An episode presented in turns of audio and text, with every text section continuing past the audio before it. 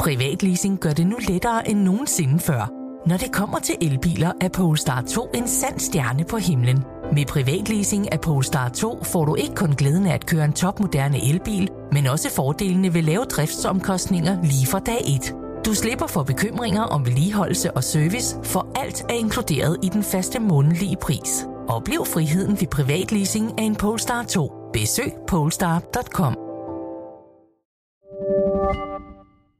Velkommen til Morgenposten. Berlingskes nyhedsoverblik.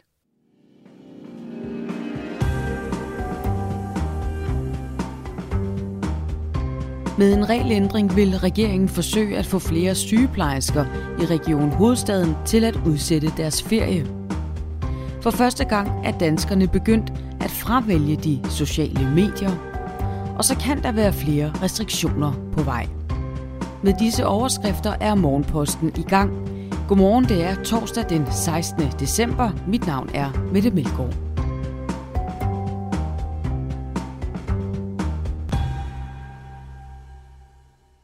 Vi lægger ud hos politikken, der skriver, at sygeplejerskernes feriepukkel presser sygehusene.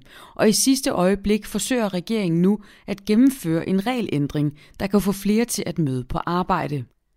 For ved indgangen til december havde Region Hovedstadens sygeplejersker stadigvæk 440.000 ferietimer til gode. Det svarer til, at hver sygeplejerske i regionen har 34 ferietimer eller 4,6 feriedage til gode, oplyser regionen til avisen. Nye ferieregler medfører, at al ferie som udgangspunkt skal afholdes inden udgangen af året, og det dræner hospitalerne for sygeplejersker. Der er skåret ned i intensivkapaciteten i Region Hovedstaden og nationalt, fordi sygeplejerskerne, der har strækket over sommeren, skal holde deres ferie. Man ser derfor et problem nu og frem til nytår, hvorefter vi så håber, at sygeplejerskerne kommer tilbage efter at have afholdt ferie, siger direktør på Nordsjællands Hospital, Bente Rørt, og hun fortsætter. Den lavere kapacitet på intensivområdet skyldes også vakante stillinger generelt, men vi er ekstra sårbare, fordi de sygeplejersker, der skulle have været på arbejde nu, skal holde ferie, siger hun. I en pressemeddelelse tirsdag varslede beskæftigelsesminister Peter Hummelgaard en ændring i feriereglerne. Det skal gøre det muligt for sundhedspersonale at skubbe den ferie, der ellers skulle afholdes i december ind i 2022. Flere parter undrer sig der over, at tiltaget først kommer nu. Dansk Sygeplejeråd og flere hospitalsdirektører mener ikke, at regeringen har udvist rettidig omhu.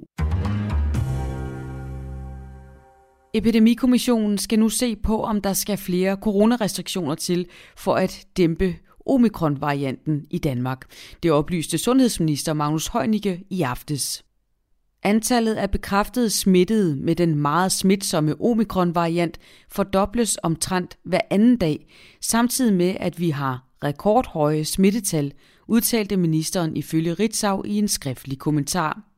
Han tilføjede, at regeringen og sundhedsmyndighederne arbejder i døgndrift for at håndtere situationen, og at epidemikommissionen altså i den forbindelse netop nu vurderer, om der er behov for nye tiltag, der kan lægge en dæmper på udviklingen. Det er en uge siden, at de seneste restriktioner blev meldt ud.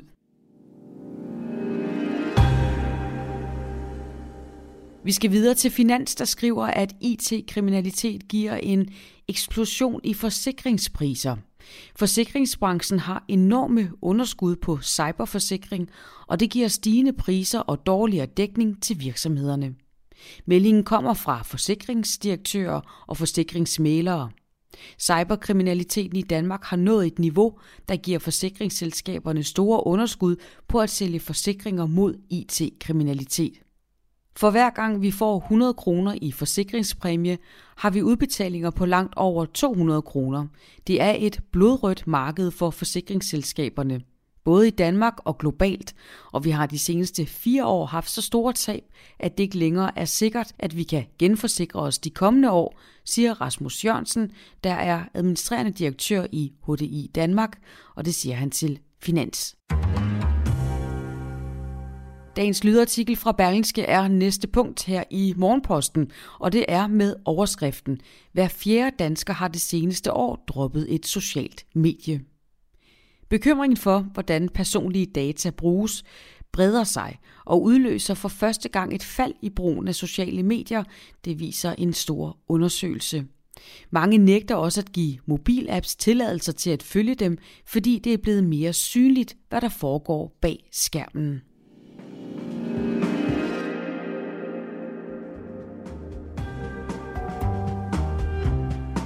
For første gang er danskerne begyndt at fravælge de sociale medier.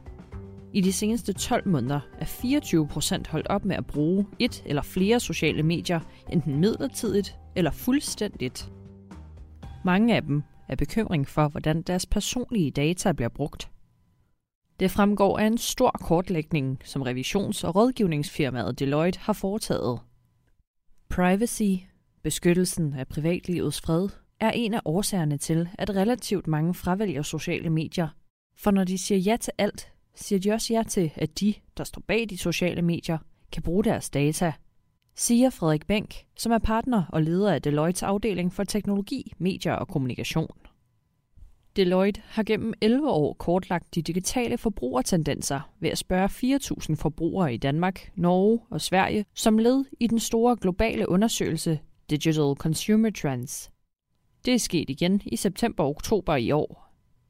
Efterhånden, som alle er opmærksomme på, at persondata flyder i et rum, der er svært at kontrollere, når det ikke er fysisk, er man nødt til at tage stilling til, hvordan man ønsker, at andre håndterer ens data. Derfor er der udbredt skepsis, siger Frederik Bænk.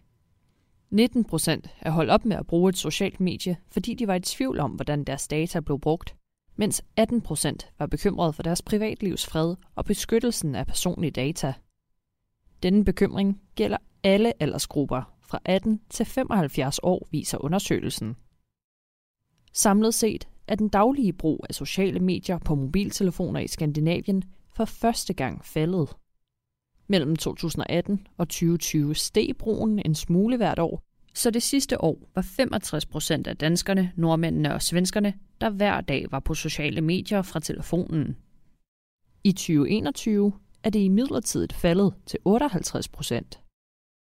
En del af forklaringen på frafaldet er bekymringen for persondata, men relativt mange ønsker også at være fri for det digitale. Ikke blot fra sociale medier, men går også efter en ikke-smartphone. De vælger det fra for at kunne leve en anden type af liv og blive mindre afhængige af de dårlige digitale vaner. Det er, som om de sociale medier har ramt toppen, og nu går det ned ad bakke. Men vi vil ikke se et stejlt fald fremover. De, der ønsker at vælge fra, har valgt fra nu, mener Frederik Bænk. Facebook is an idealistic and optimistic company. Det var uddrag fra dagens lydartikel fra Berlingske, som er skrevet af Thomas Breinstrup. Du finder som altid artiklen i sin fulde længde på Berlingskes hjemmeside. Vi bliver ved Berlingske og en analyse fra avisens politiske analytiker Bent Winter. I virkeligheden havde Folketingets partier ikke mange valg. Efter den klare og hårde dom i rigsretten, måtte Inger Støjberg erklæres uværdig til at have plads i Danmarks lovgivende forsamling.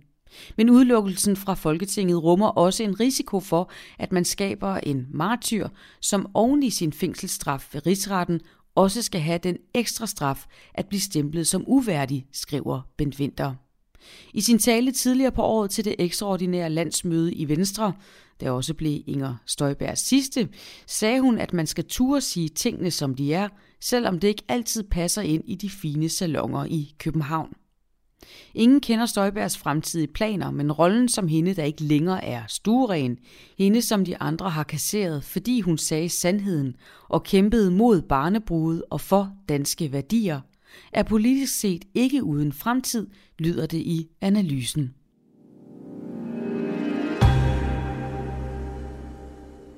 Børsen skriver i dag, at priserne på luftfragt i det kaosramte og julestressede fragtmarked er flerdoblet på få måneder. Flaskehalse og forstyrrelser i forsyningskæderne i den travle juleperiode har sendt pakkerne over i fly, og det har over de seneste måneder op til tredoblet priserne på luftfragt på de asiatiske ruter. Presset og efterspørgselen, som vi ser lige nu, er uhørt – det siger Max Knakke, administrerende direktør i SAS Cargo, til børsen. I øjeblikket koster det 66 kroner at flyve et kilo last fra Shanghai til København, mens det kostede mellem 20 og 26 kroner per kilo før pandemien.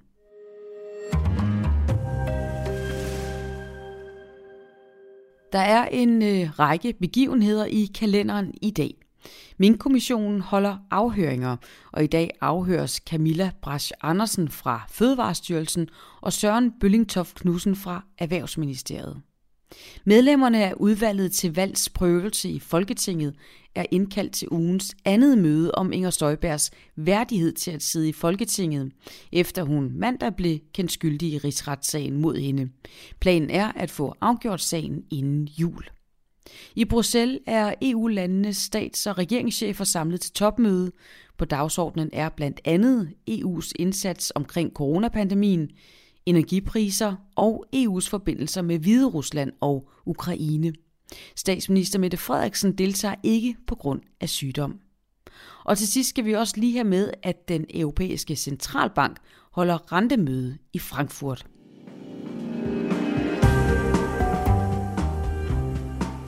Det var alt fra Morgenposten, som vender stærkt tilbage i morgen tidlig. Du kan lytte med fra klokken 6. Jeg hedder Mette Melgaard på Genhør i morgen.